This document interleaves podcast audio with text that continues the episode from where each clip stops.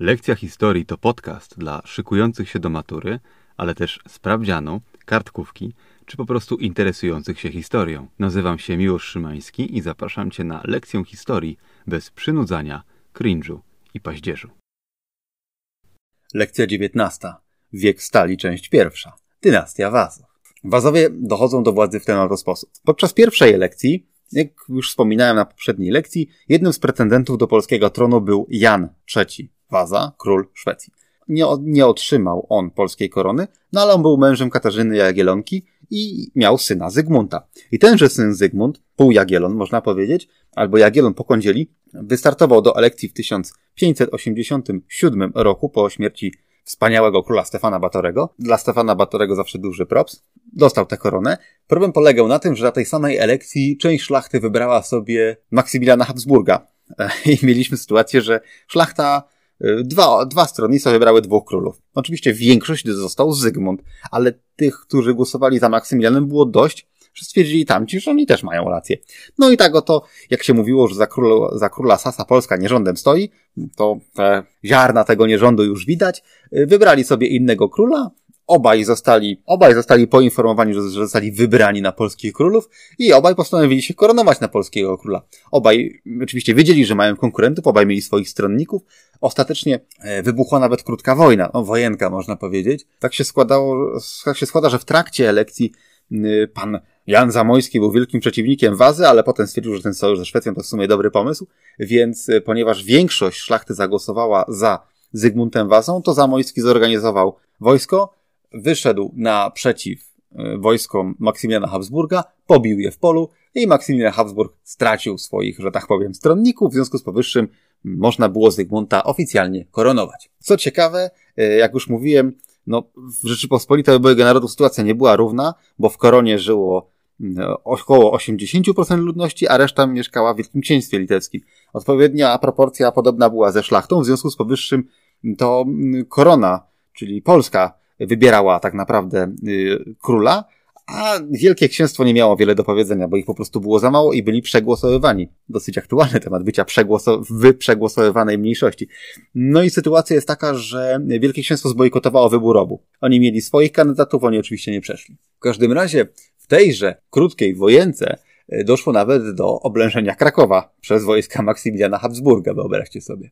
Takim nierządem stała Rzeczpospolita. A było potem, potem było jeszcze lepiej, ale do tego dojdziemy już niebawem. W każdym razie Zygmunt Trzeci Waza w momencie wyboru miał latek 21 i ojciec, król Szwecji, Jan Waza powiedział, e, powiedział mu, że przyjmij tę koronę, ale było kilka warunków, które Zygmunt postawił.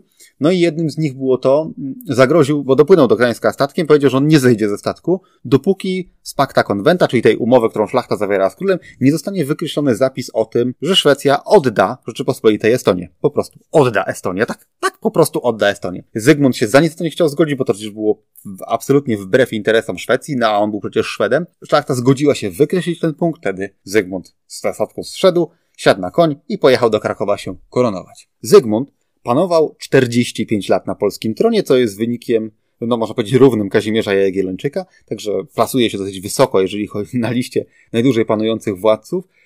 Od razu wam zaspoileruję, że moim zdaniem Zygmunt był władcą zdolnym, niestety miał poważne wady. Na przykład był strasznie uparty i był przy okazji fanatycznym katolikiem i to powodowało, że w bardzo wielu sytuacjach podejmował decyzje nieracjonalne, a na to wszystko był zbyt skupiony na tronie szwedzkim, który, którego nie udało mu się ostatecznie zdobyć tak naprawdę.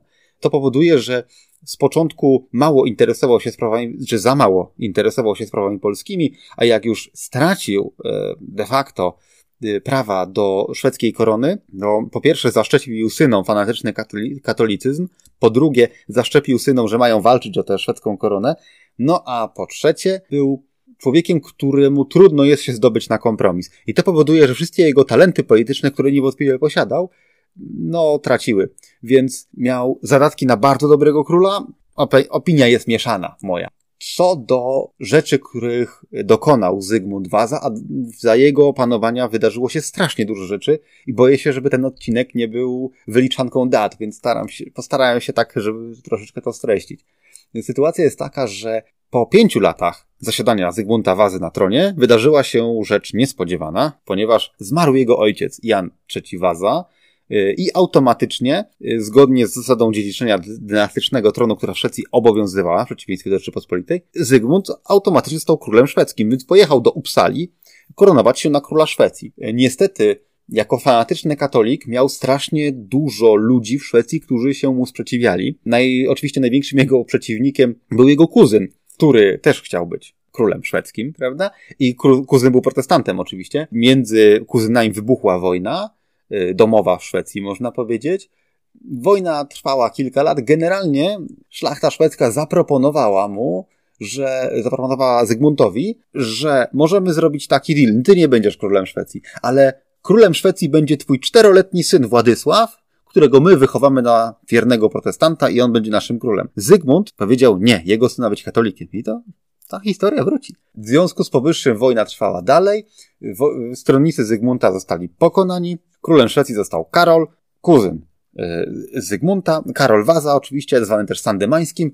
Zygmunt musiał wracać do Rzeczypospolitej niepocieszony, jednak tytułu króla Szwecji używał do śmierci, ponieważ formalnie królem Szwecji był, bo, się no, bo został koronowany na tegoż króla Szwecji. Zygmunt, który na skutek swoich przekonań religijnych utracił poparcie w Szwecji, postanowił zająć się też sprawami, sprawami religijnymi w Rzeczypospolitej, ale zrobił to troszeczkę lepiej niż w Szwecji. Mianowicie przepchnął pomysł, żeby zawiązać Unię z Kościołem prawosławnym, tak żeby możliwie wielu, szczególnie biskupów prawosławnych, przekonać do tego, żeby przeszli pod zwierzchnictwo papieża, zachowując obrządek prawosławny. I tak powstał Kościół unicki.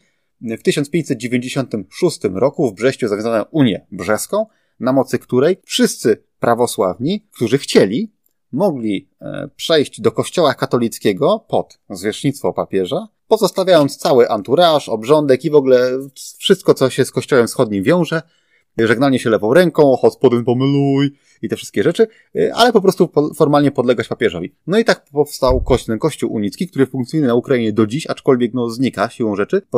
Sytuacja jest taka, że Oczywiście dalece nie wszyscy prawosławni się na to zgodzili, większość, większość nie. W związku z powyższym nastąpiło jeszcze więcej podziałów na ziemiach wschodnich Rzeczypospolitej. Niemniej jednak był to krok w dobrą stronę, ponieważ on zmierzał ku temu, żeby przypadkiem y, patriarcha y, Rosji i Wszechrusi nie rościł sobie prawa do zwierzchnictwa nad wiernymi, którzy żyli w Rzeczypospolitej. No ale wydaje mi się, że lepiej by było, jakby się postarali o autokefalię dla Kościoła w Rzeczypospolitej, czyli to, żeby był osobny patriarcha dla Rzeczypospolitej, a taką autokefalię niedawno uzyskała Ukraina na przykład, po kilkuset latach. W każdym razie, w tym samym roku Zygmunt, no i tu jest kilka teorii dlaczego. Pierwsza złośliwa mówi, że lekarz zalecił mu trochę wiejskiego powietrza, i przeniósł swoją królewską siedzibę do Warszawy. Oczywiście jest tutaj więcej argumentów niż tylko beka z Warszawy. Najpoważniejszym jest to, że Warszawa była bardziej w środku kraju niż Kraków, bo jak spojrzycie na mapy starej Rzeczypospolitej, to Kraków był na obrzeżach, prawie na samej granicy. Wiadomo, że stoli wygodniej, szczególnie wtedy, było, żeby stolica była pośrodku kraju, bo wtedy wszyscy mają równie blisko. Oczywiście, gdyby miała być dokładnie pośrodku, to by wypadała gdzieś na Polesiu, ale przeniesiona została do Warszawy, bo można powiedzieć była bliżej środka ciężkości kraju, no bo jak mówię, większość ludności mieszkała w Koronie. W związku z powyższym Warszawa wpadała, znaczy dzisiaj też wpada w miarę w środku, wtedy też wpadała w miarę w środku, wygodniej było wszystkim dojechać, tam się odbywały sejmy elekcyjne, niezły pomysł. Znaczy ja wiem, gdzie ja bym przeniósł stolicę, no ale ja nie byłem królem i już pewnie nigdy nie będę, jak powiedział Skaza. W każdym razie ważne jest to, że to nie do końca było przeniesienie stolicy, bo formalnie skarb mieścił się w Krakowie, koronacje były w Krakowie, na Wawelu. Natomiast Warszawa została ogłoszona miastem rezydencjonalnym jego królewskiej mości. Kolejnym powodem dla przeniesienia rezydencji królewskiej do Warszawy było to, że był pożar na Wawelu po prostu i król nie chciał czekać po prostu, aż to wszystko będzie wyremontowane, odnowione dalej i przeniósł się do Warszawy, z której miał też bliżej do Szwecji przy okazji, w razie czego, a w owym czasie ciągle jeszcze formalnie królem szwedzkim był.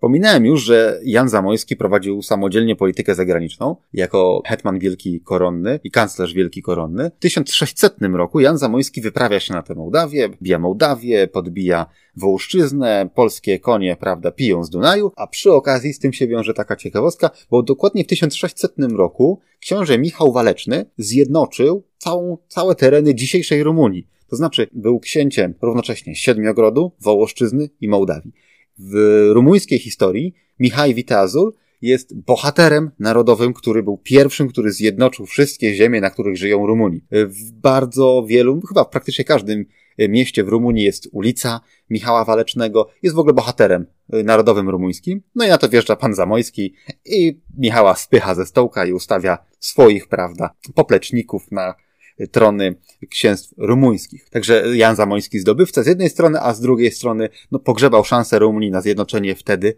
i Rumunia zjednoczyła się dopiero w połowie XIX wieku. No ale jak mówiłem, pan Zamojski musiał wrócić yy, czym prędzej z nad Dunaju, ponieważ wybuchła kolejna z niekończącej się niekończącego się ciągu wojen ze Szwecją, które oczywiście miały miejsce wcześniej, ale szczególnie Rzeczpospolita została w nie wciągnięta z uwagi na to, że Szwedzi zasiadali na, szwedzka dynastia zasiadała na polskim tronie i efekt tego był taki, że y, oś konfliktu ze Szwecją polegała na tym, że Zygmunt i jego synowie tytułowali się królami Szwecji, co było świetnym powodem, żeby atakować Rzeczpospolitą przez Szwecję. Nie to, żeby zaraz król Szwecji był taki strasznie obrażony z tego powodu, ale to była dobra wymówka, żeby atakować. Niemniej jednak w 1600 roku udaje się przyłączyć Estonię na chwilę. Yy, no i w związku z powyższym w 1601 roku wybucha wojna o tę Estonię, w ogóle o Inflanty i także o tak zwane Dominium Maris Baltici, dominację nad Morzem Bałtyckim. Bo przypomnę, w owym czasie nad Bałtykiem leżała Szwecja, Rzeczpospolita i Dania. Kawałeczek Niemiec. Cesarstwa niemieckiego oczywiście. I y, sytuacja jest taka, że Szwecja chciała z Bałtyku zrobić morze wewnętrzne, co miało oczywiście dużo sensu, no bo bardzo wiele rzek uchodziło do Bałtyku i można, gdyby kontrolować handel na Bałtyku, to można było się znacznie wzbogacić, więc Szwecji bardzo na tym zależało. Dlatego też Szwecja do tego mocno dążyła, bo w owym czasie Szwecja kontrolowała tereny dzisiejszej Szwecji, dzisiejszej Finlandii, Estonii, yy, miejsca, gdzie dzisiaj jest Petersburg, a wtedy nie było nic, Pomorze Zachodnie ze Szczecinem, no tyle. To sporo jest. I gdyby podbić jeszcze wybrzeże Morza y, Bałtyckiego, gdzie mieściła się Rzeczpospolita obojga narodów, no to można było, wystarczyło wklepać Danii i można było kontrolować cały Bałtyk. Wojna o Inflanty ze Szwecją trwała do 1629 roku, a więc bez mała 30 lat a potem przyjdzie następna i następna i następna. Natomiast ja bym chciał opowiadać historię z perspektywy kolejnych władców, a nie kolejnych wojen, nie ciągu wojen najpierw z Rosją, z Kozakami, ze Szwecją, bo to jest potem trochę nudne i tylko się rzuca datami. Trwa wojna ze Szwecją o, o inflanty, a w tym samym czasie okazuje się, że umiera Fiodor, car Rosji. Fiodor był synem Iwana Groźnego. Po śmierci Fiodora, Fiodor był obciążony chorobą psychiczną i za niego rządzili regenci, no, krótko dosyć panował, umiera i w Rosji zaczyna się czas tak zwanej wielkiej smuty, kiedy nie wiadomo, kiedy nie ma żadnego konkretnego władcy, a Rosja targana jest wewnętrznymi rozruchami i wojną z Rzeczpospolitą jeszcze przy okazji. Wtedy zaczyna się okres tak zwanych dymitriad. Dymitriady polegały na tym, że car Iwan miał syna Fiodora, ale miał także syna Dymitra. Dymitr w wieku 8 lat zginął. I sytuacja jest taka, że ta jego śmierć była dosyć tajemnicza. Nie, każdy, nie wszyscy wierzyli, że on naprawdę nie żyje, że naprawdę nie, nie ma prawowitego następcy Iwana Groźnego. Po śmierci Fiodora władzę e, w Rosji obejmuje Borys Godunow. Borys Godunow, który był dosyć znamienitym bojarem i koronuje się na cara. Rządzi dosyć krótko, gdyż nagle zjawia się Dymitr, zwany samozwańcem. Na dworze księcia Wiśniewieckiego pojawia się gość, który twierdzi, że jest zaginionym carewiczem Dymitrem. Tak naprawdę to prawdopodobnie gość był mnichem, ale to nie jest ważne. E, Wiśniewiecki wyczuł tutaj interesy, myśli sobie zrobię z niego cara i będzie z tego deal. Dał mu trochę wojska, wysłał do Moskwy. Gość tron zdobył, ale panował bardzo krótko. Został obalony przez Wasyla Szujskiego. I wtedy u Wiśniewieckiego pojawia się drugi gość, który też twierdzi, że jest Dymitrem. To też oczywiście była grubo, grubymi nićmi szyta ściema, ale niemniej jednak wyprawa poszła. Zrobi się wojnę z Rosją, wklepiemy Rosji, to może im skapną jakieś dodatkowe tytuły, e, a przede wszystkim e, ówczesny książę Wiśniewiecki umyślił sobie, że cara rosyjskiego ożeni ze swoją córką i będzie ojcem cara. W związku z powyższym wyprawia się armia koronna, już taka na poważnie. Hetman polny, koronny Stefan Żółkiewski zdobywa Moskwę i on dowodzi, y, dowodzi wojskiem koronnym, które zdobywa Moskwę. Jeden z najwybitniejszych polskich przywódców wojskowych zginie 10 lat później w Mołdawii, nawiasem mówiąc. Bojarzy proponują osadzić Władysława, syna Zygmunta. Y, przy czym Władysław ma wtedy już 15 lat i właściwie mógłby od razu zostać carem, ale stawiają pewien warunek. Władysław musi poślubić lokalną bojarkę i sam przejść na prawosławie. No, ojciec jak słyszy, że syn zno, znowu słyszy, że syn ma zmieniać wiarę, znowu mówi nie. No i w ten sposób jego syn nie zostaje carem Rosji. Moim zdaniem błąd. W każdym razie sytuacja jest taka, że załoga polska zostaje z Kremla ostatecznie przepędzona. Czyni to 4 listopada niejaki książę Michaił Romanow, który koronuje się potem na cara Rosji i zakłada dynastię Romanowów, która panuje 300 lat, aż do tragicznej śmierci całej rodziny Mikołaja II, Romanowa z rąk komunistów. Nawiasem mówiąc, w Rosji uczenie się dynastii jest dosyć proste, bo była dynastia Rurykowiczów, potem Wielka Smuta, a potem Romanowie. Tak to leci. Ciekawostka, ten 4 listopada obchodzony jest dziś w Rosji, w Rosji jako Dzień Jedności Narodowej. Także możemy tutaj czuć pewną dumę jako Polacy z tego, że Rosja ma specjalny dzień, żeby upamiętnić wygnanie polskiej załogi z Kremla, czyli niejako przypomnieć, że ona tam była w ogóle. Przy czym wolałbym, żebyśmy nie wyliczali, ile dni mamy związanych z tym, że Ros Rosja albo Niemcy nam wklepali. W każdym razie po okresie Dymitriat szansa na zdobycie tronu moskiewskiego zostaje zaprzepaszczona. No, oczywiście nie ma gwarancji, że gdyby Władysław został tym rosyjskim carem, to by się utrzymał na y, stolcu carskim, no ale była chociaż taka możliwość. W każdym razie, jak widzicie, przez 45 lat swojego panowania Zygmunt walczył ze Szwecją, walczył z Rosją i jeszcze po drodze musiał się zmierzyć z Rokoszem Zebrzydowskiego. Rokosz była to instytucja opisana przecież w artykułach henrykowskich, że szlachta ma prawo do zbrojnego rokoszu przeciwko królowi, który złamie obowiązujące prawo opisane właśnie w tych artykułach henrykowskich. A oczywiście te wszystkie tam zasady, te prawa streszczały się do tego, że szlachta musi rządzić. No i Rokosz, Rokosz Zebrzydowskiego wybuchł w 1606 roku. To była de facto wojna domowa w Rzeczypospolitej, bo za Zebrzydowskim stanęło bardzo dużo szlachty. Argument był taki, że Zygmunt próbował na wzór szwedzki wzmocnić władzę królewską, ograniczyć władzę Sejmu i szlachty, wzmocnić rolę mieszczan. No oczywiście spotkało się to z ogromnym protestem.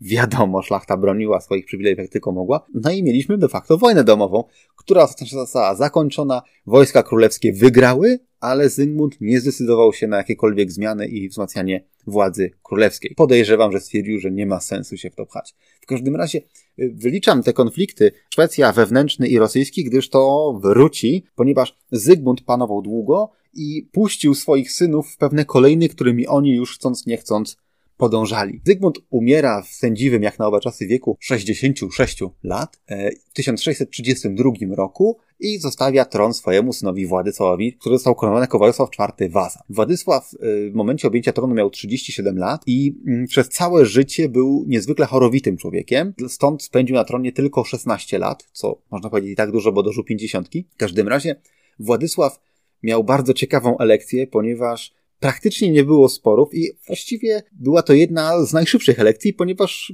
ogół szlachty był zgodny co do tego, że trzeba po prostu na tronie osadzić kolejnego wazę i już dziękuję, pozamiatane. Władysław kontynuował więc politykę ojca. Udało mu się wygrać z kolejną wojnę z Rosją, jedną z wielu. Ja ich wszystkich nie wyliczam, bo to się strasznie, strasznie myli, bo tych wojen z Moskwą e, było w XVII wieku zdaje się pięć, ze Szwecją cztery, z Turcją 3, naprawdę nie ma sensu tego wyliczać. W każdym razie, grunt, żebyście zapamiętali pokój w Polanowie, na mocy którego do Rzeczpospolitej zostały przyłączone wschodnie rubieże, tam wokół Smoleńska z grubsza rzecz biorąc, i na mocy tego pokoju Rzeczpospolita osiągnęła szczyt swojego terytorialnego rozwoju 990 tysięcy kilometrów kwadratowych. No, można powiedzieć milion w zaokrągleniu, chociaż boli te 10 tysięcy, prawda? Jeśli ktokolwiek ma fetysz na numerki. Pokój ten został podpisany w 1000 634 roku e, kończył kolejną wojnę z Moskwą. Władysław mógł tutaj się popisać niesamowitym sukcesem w tym momencie, chociaż wojnę tak naprawdę zaczął jego ojciec. E, Władysław chciał rozbudować polską flotę, ponieważ jako Szwed, chociaż urodził się już w Krakowie, wiedział jak ważna jest flota, kazał założyć fort Władysławów i fort Kazimierzów, albo jak to woli fort Władysławowski i fort Kazimierzowski, a wokół nich port wojenny. Dziś na terenie tych fortów mieści się miasto Władysławowo. To właśnie to Władysławowo pochodzi od tego Władysława. Dość powiedzieć, że na czas panowania Zygmunta oraz Władysława przypada wojna trzydziestoletnia, która odbywała się głównie w Świętym Cesarstwie Rzymskim Narodu Niemieckiego. Nie ma miejsca na to, żebym poświęcił całą lekcję na opis wojny trzydziestoletniej. Dość powiedzieć, że brały w niej udział. Zaczęła się w Czechach, był etap duński, był etap Szwecji, był e, szwedzki, francuski. Większość walk toczyła się na terenie cesarstwa. Straty były gigantyczne, ale po prostu masakryczne. Były takie miejsca w Rzeszy Niemieckiej, gdzie straty ludności lokalnej, ja nie mówię wojska, ludności sięgały, sięgały 60%. W całym cesarstwie zginęła około szacuje się, od 1 czwartej do 1 trzeciej ludności cesarstwa zginęła skutek 30-letniej wojny. Ogromna tragedia. To gigantyczny wstrząs dla, dla Niemiec. Stąd właśnie y, nie toczyliśmy wojen w XVII wieku za bardzo z Rzeszą Niemiecką. Ta wojna miała kilka skutków. To była najpotężniejsza w ogóle wojna religijna y, owego czasu. Y, zakończyła się pokojem westfalskim w 1648 roku, na mocy którego każdy lokalny książę miał prawo decydować, jaką religię wyznaje i jaka religia jest dominującą w jego kraju związkowym, oczywiście niemieckim kraju związkowym. Spowodowało to gigantyczne osłabienie cesarstwa jako całości i bardzo to wzmocniło władzę lokalnych władców. Powstała wtedy w ogóle koncepcja państwa narodowego, czyli państwa, w którym mieszkają przedstawiciele tylko jednej narodowości.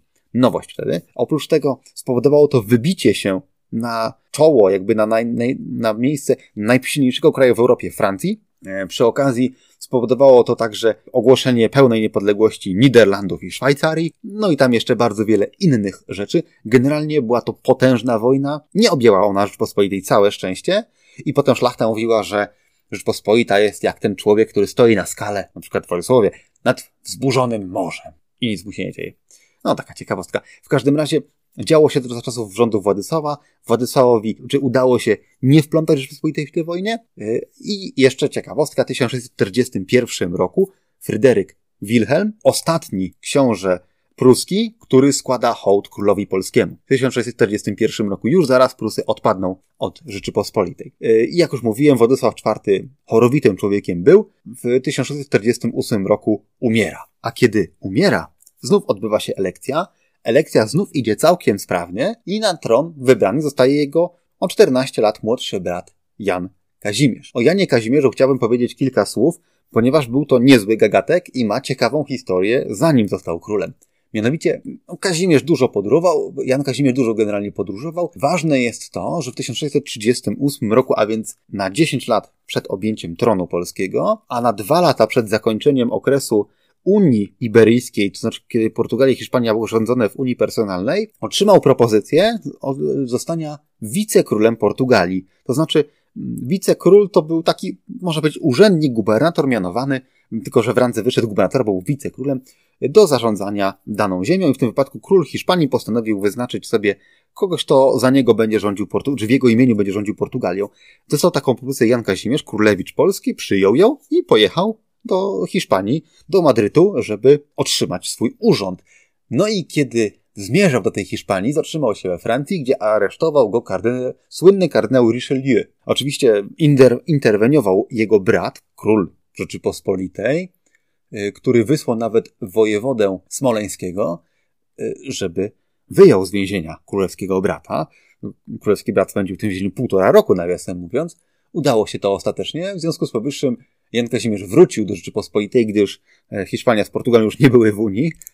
Portugalia miała swojego króla. W związku z powyższym Jan Kazimierz posiedział chwilę w Polsce i wyjechał znów szukać przygód. W 1643 roku wstąpił do zakonu jezuitów w Loreto we Włoszech. E, no i opuścił go po dwóch latach nowicjatu, jeszcze jako taki niepełny mnich, Niemniej jednak papież Innocenty X mianował go kardynałem. I Jan Kazimierz był normalnie, słuchajcie, kardynałem Kościoła katolickiego. Jego kariera duchowna może potrwałaby dłużej, no ale powziął informację o tym, że jego brat nie żyje, a on jest rozważany na króla polskiego, w związku z powyższym wrócił do Rzeczypospolitej, zostawił, złożył czapkę kardynalską, wrócił do Rzeczypospolitej, yy, odbyła się elekcja i został wybrany na króla polskiego. Znów zbyt długo się szlachta nie zastanawiała, miała tutaj gotowego kandydata, pasował, był żołnierzem, prawda, jakiś czas, y, znał się na wojnie, a wojen akurat w XVII wieku nie brakowało, gęste chmury się zbierały, więc wybrali Jana Kazimierza na króla. Elekcja była szybka, Jan Kazimierz poślubił wdowę po swoim bracie i tak szybko wskoczył w jego but. Był to pamiętny 1648 rok, który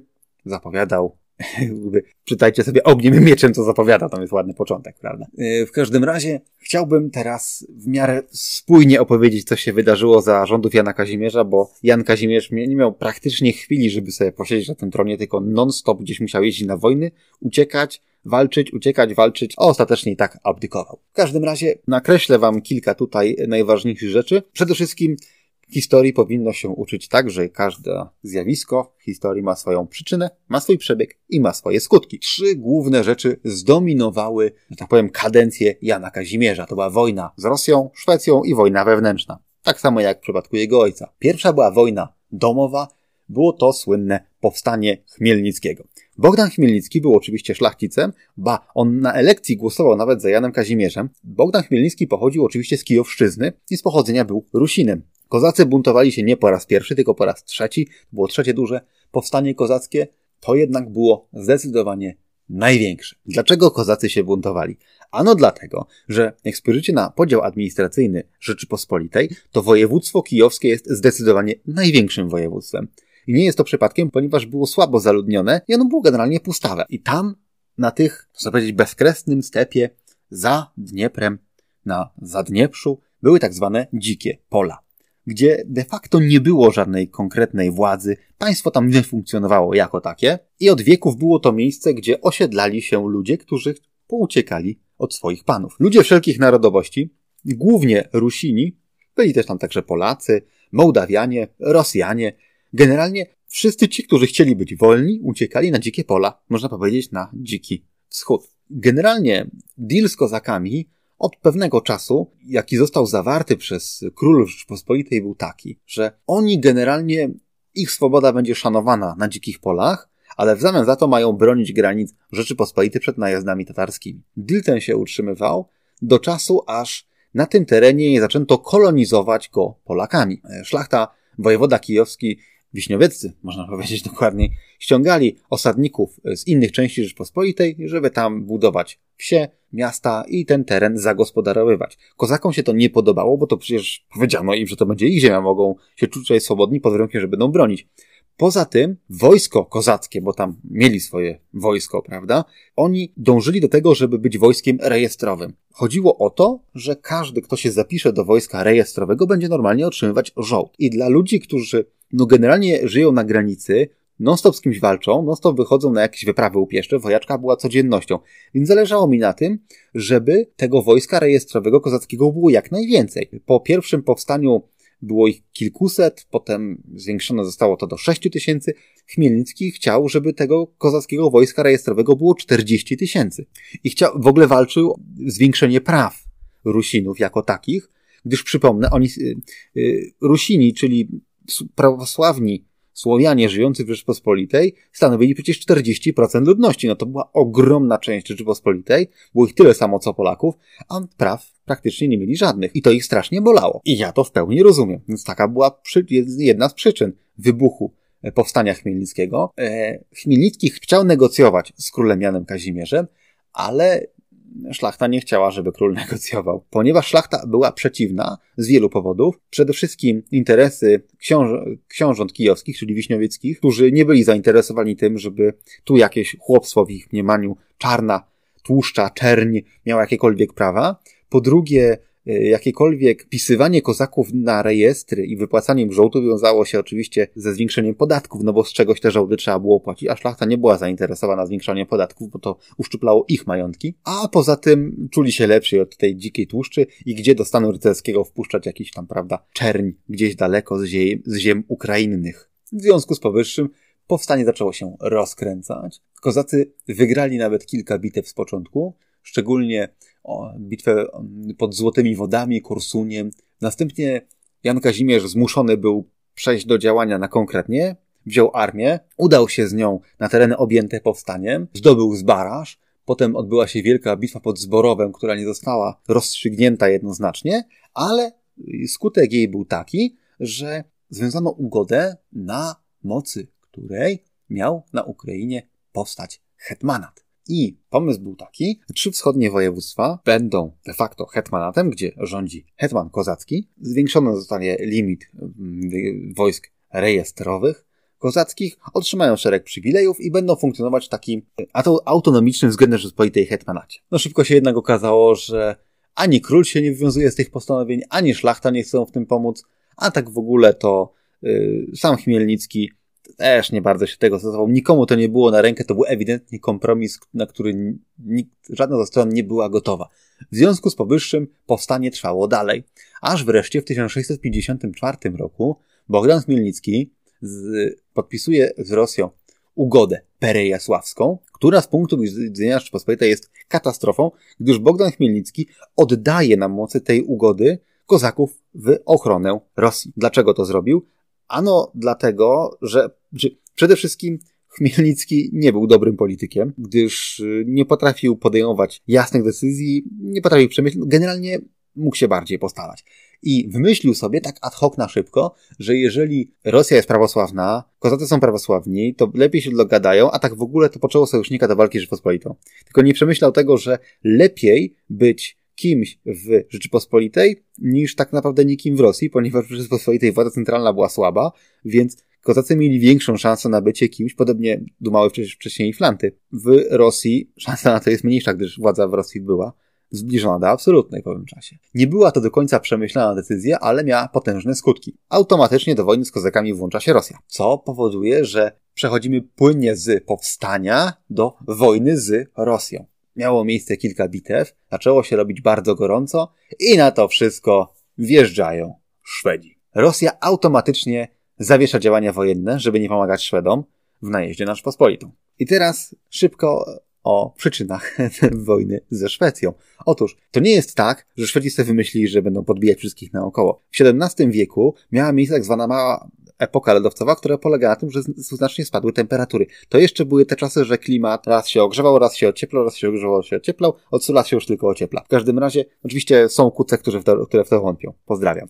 W każdym razie sytuacja jest taka, że zimy były takie, że w środku zimy, pół drogi między Gdańskiem a Szwecją, była karczma na lodzie na środku morza i tam można było się zatrzymać, prawda? W związku z powyższym, że klimat się znacznie ochłodził, to w Szwecji było znacznie mniej urodzajnych ziem i klimat nie sprzyjał produkcji żywności. W związku z powyższym Szwecja nie była w stanie się sama wykarmić, więc musiała zająć się grabieżą. Czyli wracamy do y, historii wikingów, którzy też nie byli się w stanie wykarmić z mało urodzajnej ziemi i kiepskiego klimatu na północy, więc musieli grabić żeby się wykarmić. W związku z powyższym y, Szwedzi prowadzili niezwykle agresywną politykę w owym czasie. Dość powiedzieć, że Szwecja była już tak wyćwiczona w wojnach, że mimo, mimo że całe Królestwo Szwedzkie miało 2,5 miliona poddanych, a Rzeczpospolita miała wtedy około 11 milionów poddanych, to Szwecja się rzuciła i to z wielkimi sukcesami. Dość powiedzieć, że potop szwedzki, jakby po prostu Szwedów miliony przyjechało. No, w pierwszej fazie wojny tych Szwedów było, słuchajcie, 25 tysięcy żołnierzy. Co to jest? Ja wiem, że nawet super wyszkolonych, ale 25 tysięcy. Naprawdę. Wielka Rzeczpospolita nie była w stanie się przeciwko czemuś takiemu obronić. No wyglądało to tak że, jak już mówiłem, Szwecja kontrolowała wtedy Pomorze e, Zachodnie ze Szczecinem. Tam na statkach przyjechali sobie Szwedzi, żołnierze. I pod wodą marszałka Arwida przeszli oni sobie z Pomorza do Wielkopolski. No i pod Piłą macie takie małe miasto Ujście, gdzie Gwda uchodzi do Noteci. W pobliżu Noteci przechodziła wtedy granica pomiędzy Rzeczpospolitą a Pomorzem Zachodnim, pod kontrolą Szwecji. No i marszałek e, wszedł tam miał 17 tysięcy raptem chłopa i 72 działa. Odbyła się duża bitwa pod tym ujściem, zebrało się pospolitego ruszenia szlachty 13 tysięcy i tysiąc z kawałkiem piechoty wybranieckiej, o którą tak zabiegał Stefan Batory. Dość powiedzieć, że pospolite ruszenie polskie dostało bęcki i to ostre, a tak w ogóle motywacji do walki mieli niewielką, bo oni sobie myśleli tak, mamy króla Szweda, przyjechał inny król Szwed, co za różnica, któremu królowi Szwedowi będzie rządzić, a tamten król Szwed ma więcej armii, to może się poddamy, może nie będziemy jakoś tak specjalnie sensownie walczyć. W ogóle dość powiedzieć, że wojskiem, y, tą pospolitym ruszeniem z Wielkopolski miał y, dowodzić podskarbi wielki koronny, y, Bogusław Leszczyński, Natomiast Bogusław Leszczyński, jak się dowiedział, że ma jechać na jakąś bitwę, to uciekł za granicę do Wrocławia. no taka sytuacja, nie? Taka była mniej więcej motywacja wtedy szlachty w Wielkopolsce, zresztą nie tylko do walki ze Szwecją. W ogóle też wtedy miała miejsce głośna scena, prawda, z potopu, kiedy książę Bogu, Bogusław Radziwił z Januszem Radziwiłem poddają Litwę Szwecji. Chodziło o to, że oni teraz będą wielkimi książętami litewskimi w Unii ze Szwecją, a koronę niech ta Szwecja podbija. No i tak sobie marszałek przemaszerował przez tę Wielkopolskę, jak po swoim chodził już potem. Y, no i miesiąc później, bo on wszedł w lipcu, miesiąc po nim Karol Gustaw wjeżdża z 12-tysięczną armią i dwie armie szwedzkie spotykają się pod Koninem. I jest tych Szwedów dwadzieścia kilka tysięcy i cała Wielka Rzeczpospolita po prostu na kolanach wtedy, nie? I sytuacja jest taka, że pomaszerowali sobie z Konina dokoła, w kole przekroczyli Wartę i już cisnęli ostro na Warszawę. Król Jan Kazimierz zebrał część armii i już tam mniejsza, jak, jak, jak z nią krążył on, jak krążyły inne polskie armie. Generalnie Polacy dostali Bęcki jeszcze kilka razy i król uciekł na Śląsk. Znaczy, no, no, no, no uciekł po prostu, jak kapitan Sketino zszedł ze statku, jak jeszcze statek pływał, prawda? W tym czasie Szwedzi we wrześniu wchodzą do Warszawy, w dwa miesiące doszli do Warszawy. No, po prostu no, ta wielka Rzeczpospolita dostała takiego łupnia w dwa miesiące, nie? Po pół roku Szwedzi już sobie oblegali Częstochowę, już sobie oblegali Kraków, no i generalnie właściwie już Rzeczpospolita była zajęta. Przy okazji za wojskiem liniowym szły wojska kwatermistrzowskie i następowała regularna grabież, kurde, wszystkiego, nie? Włącznie z tym, że dzieła Kopernika są dzisiaj w muzeach w Szwecji, nie? Ukradli wszystko, co się dało. Szwedzi, znaczy to, to jest, nie, wszystkie stereotypy, które macie o Szwecji, nie? No to w XVII wieku było dokładnie odwrotnie. Po prostu Szwedzi byli pazernymi grabieżcami i, i po prostu i tam złoto z kościołów, z dworów szlacheckich, obrazy, sztukę, literaturę, no kradli kurde wszystko, nie? Dosłownie jak ruska armia, która wycofywała się z Polski w 93 roku, to ponoć nawet kaloryfery z koszarów zabierali, no to w ten sposób Szwedzi tylko nie swoje brali, nie? No i sytuacja jest taka, że Rzeczpospolita po prostu wywaliła się na ryj i to w błoto. Król Jan Kazimierz proponował nawet temu Maksymilianowi Habsburgowi, że mu koronę odda. Byle ten Habsburg jakąś armię sprowadził do Rzeczpospolitej, wklepał Szwedom i był królem tym polskim, byle tylko to cofnąć jakoś, nie? No, Maksymilian Habsburg nie był zainteresowany, delikatnie mówiąc, nie? W związku z powyższym doszło do takiej sytuacji, że król stwierdził po pół roku się ogarnąć, że trzeba działać. W związku z powyższym przekroczył granicę, oczywiście daleko od Szwedów, ale przez góry jechał, jechał w stronę Lwowa. I do tego Lwowa dojechał, dojechał w lutym, po drodze zatrzymując się w miastach i mówiąc, że tutaj będziemy, będziemy bronić, będzie dobrze. W Lwowie, mm, jako pierwszy, ale zapoczątkował pewną tradycję zawierzania Rzeczpospolitej Matce Boskiej. Nie wiem, na ile pomogła Matka Boska w wyzwalaniu Rzeczpospolitej, no ale te śluby lwowskie 1 kwietnia, data, tak powiem, 1 kwietnia, zawierzył Rzeczpospolitą Matce Boskiej, ogłosił, obiecał, że jak ta wojna się skończy, to on na Boga przysięga, że poprawi sytuację mieszczan i chłopów, czyli tej większości ludności, która nie miała nic do powiedzenia. Nie? Zgadnijcie, ile z tego wyszło. W każdym razie jak się szlachta połapała, że jeszcze nie wszystko stracone, ale, ale poddawali się masowo. No, poddawali się jak armia e, Iraku podczas wojny ze Stanami w 91 roku, nie? Po prostu, szwedzkie wojska się pojawiły z daleka, oni się dawali, nie? Znaczy, bo nie mieli motywacji, no mówię, tu król szwedzki, tam król szwedzki, no właściwie im się myli.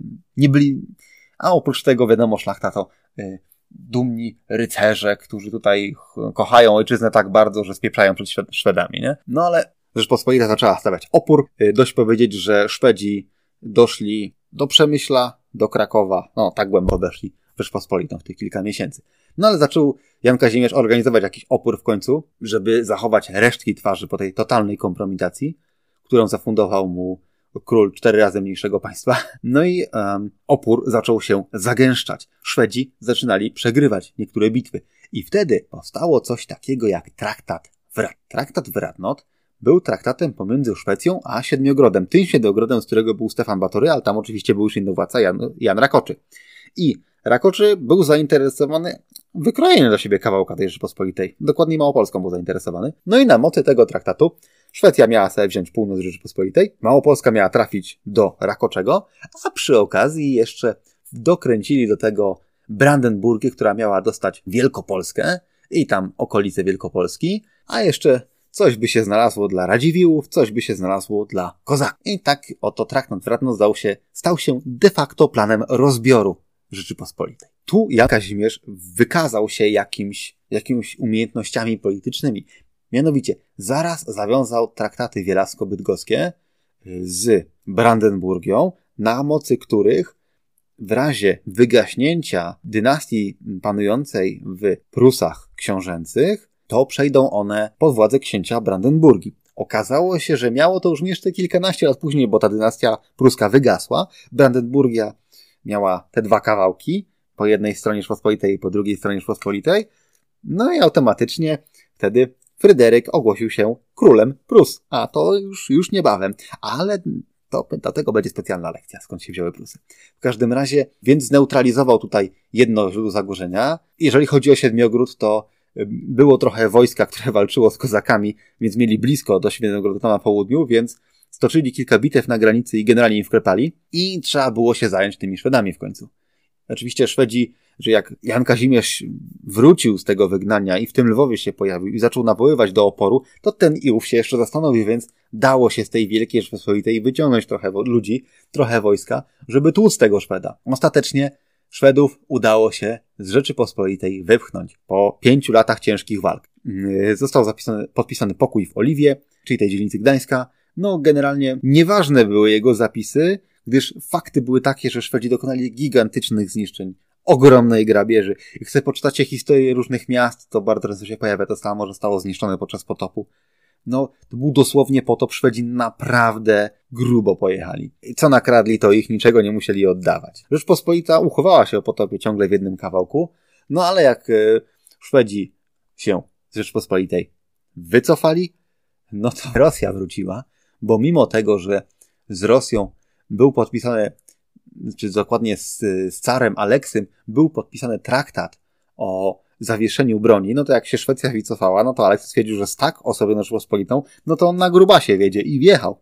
I była wojna z Rosją, zakończyła się ona w 1667 roku. Na mocy tegoż pokoju Rzeczpospolita oddawała całą lewobrzeżną Ukrainę z Kijowem bo Kijów był pra na prawym brzegu. E, w związku z powyższym granice Rzeczpospolitej skurczyły się znacznie, no i było to trudne wszystko i ciężkie. Niestety, co do samych kozaków, którzy rozpoczęli ten ciąg dwudziestoletnich ciężkich wojen jedna po drugiej, oni tak naprawdę wtedy nie żądali wiele. W 1658 roku, czyli pod koniec szwedzkiego potopu, stała zawiązana Unia Hadziacka. Na jej mocy Rzeczpospolita obojga narodów miała się zamienić w Rzeczpospolitę trojga narodów i trzy wschodnie województwa, czyli kijowskie, bratowskie i czernichowskie miały stworzyć osobny, równoważny kraj związkowy Rzeczypospolitej. Ten trzeci miał być e, hetman wielki ruski, hetman polny ruski, kanclerz ruski, no miało być po prostu, znaczy jest osobno korona królestwa, wielkie księstwo i księstwo ruskie. Ten pomysł, gdyby go przepchnąć 15 lat wcześniej, no to nie byłoby żadnego powstania chmielnickiego, bo kozacy mieliby swoją część składową Rzeczpospolitej, w której mają coś do powiedzenia, ale oczywiście w wtedy była mangateria, się tego nie dało przepchnąć. Ale gdyby to przepchnąć wcześniej, nie byłoby powstania chmielnickiego. Jakby nie było powstania chmielnickiego, to nie byłoby ugody w Perejasowie, na mocy której Ukraina oddała się, ta lewobrzeżna, zadnieprzańska Ukraina oddała się w opiekę Rosji, czy nie byłoby następnej wojny z Rosją, która była opłakana w skutkach, gdyby nie powstanie Chmielnickiego, Szwecja pewnie by i tak zaatakowała, bo oni musieli kogoś zaatakować. Ale to nie byłby potop, to byłaby jakaś graniczna wojna. A tak, dopiero po czasie była ta Unia Hadziacka, ale ta Unia Hadziacka, jej zapisy trwały kilka miesięcy tak naprawdę, bo hetman kozaków, ataman Jerzy Niemirycz, został, który miał być kanclerzem przecież ruskim, został obalony, przez swoich, bo bardzo wielu kozaków było w ogóle przeciwnie z Polakami cokolwiek podpisywać, oni chcieli w ogóle na swojej ziemi być panami, a nie tu ciągle pod polskim królem. Obalił go Jerzy Chmielnicki, syn Bogdana, Bogdana, który zmarł na wylew krwi do mózgu kilka lat wcześniej. Ten Jerzy Chmielnicki był politykiem słabszym od ojca, bardzo szybko kozacy trafili pod obcas carów. Nie mieli już tyle wolności, co mieli w Rzeczypospolitej. Więc tu Mamy tu klasyczną sytuację, w której bardzo wielu ludzi, myśląc krótkoterminowo, podejmowała głupie decyzje, zamiast patrzeć trochę dalej, co się może wydarzyć później. W efekcie na tym wszyscy stracili, zyskała Rosja. Zapomniałem powiedzieć o tym, że 1652 rok, to znaczy yy, kiedy wojna domowa podczas powstania chmielnickiego była w pełnym rozpędzie, no to mamy pierwsze liberum veto na Sejmie, nie? Zaczęło się. Kiedy Jan Kazimierz ogarnął wreszcie ten pożar i, i zaczęła się jakaś jutrzenka pokazywać, że z tą Rosją już ta wojna zmierzała ku końcowi, dało się jakiś pokój ogarnąć. W 1665 roku wybucha kolejny rokosz, tym razem rokosz Lubomirskiego. Szlachta znowu się sprzeciwia królowi, który chciał podatków na prowadzenie wojny, który chciał cokolwiek zmienić w położeniu chłopstwa i mieszczaństwa, co przecież obiecał w Lwowie, no ale nie miał do tego uprawnień przecież, nie? W każdym razie obiecał.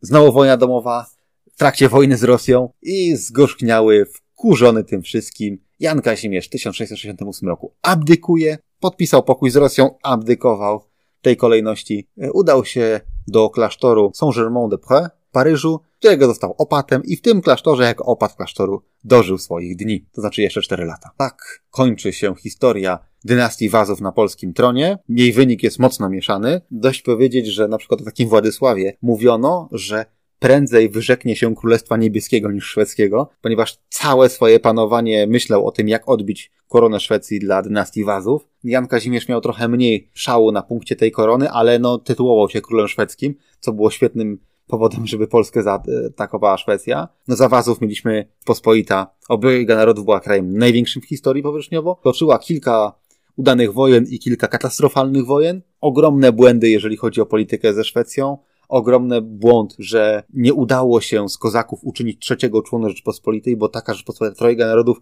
miałaby szansę istnieć znacznie dłużej, a może by istniała nawet do dzisiaj, kto wie. Nie można olewać 40% ludności swojego kraju, a potem się dziwić, że się buntują. No to się nie da zrobić, po prostu się nie da zrobić. Po tym wszystkim Rzeczypospolita skurczyła się o 25% ludności. Było to potężnym ciosem, gdyż z około 11 milionów spadła ludność Rzeczypospolitej do około 8 milionów, a wiek XVII się jeszcze nie skończył, gdyż na scenę wjeżdża nam Turcja. I ten drugi epizod wieku stali, w którym większość wojen toczy się wokół Turcji za czasów panowania Michała Korybuta Wiśniewieckiego, Jana III Sobieskiego. Tym chciałem się zająć na kolejnej lekcji, a także zahaczyć o największą tragedię Rzeczypospolitej obojga narodów, czyli rządy Sasów. Tego dotyczyć będzie lekcja kolejna. Także to tyle na teraz. Cześć.